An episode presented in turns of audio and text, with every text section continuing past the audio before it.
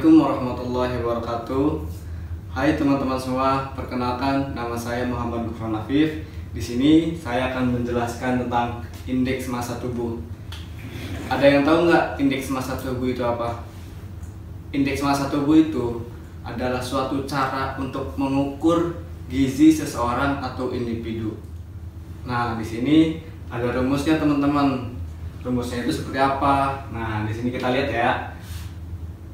Untuk mengukur IMT, kita harus tahu berat badan kita dalam bentuk kilogram dan juga nanti e, tinggi badan dalam bentuk meter. Oke, rumusnya berat badan dalam bentuk kilogram dibagi tinggi badan dalam bentuk meter dikuadratkan. Itu untuk mencari indeks massa tubuh. Nah, di sini ada klasifikasinya teman-teman. Yang pertama ada normal, yang kedua ada kegemukan, dan yang ketiga ada obesitas. Wanita dan pria itu dibedakan.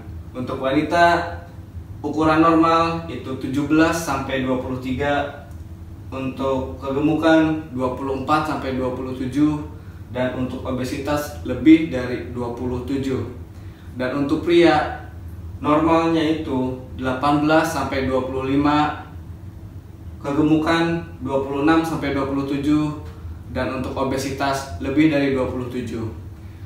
Oke, setelah itu kita coba ya untuk menghitung cara indeks massa tubuh. Nah, di sini kita ada kasus teman-teman. Nyonya X tinggi badan 160 cm dan berat badan 58 kg.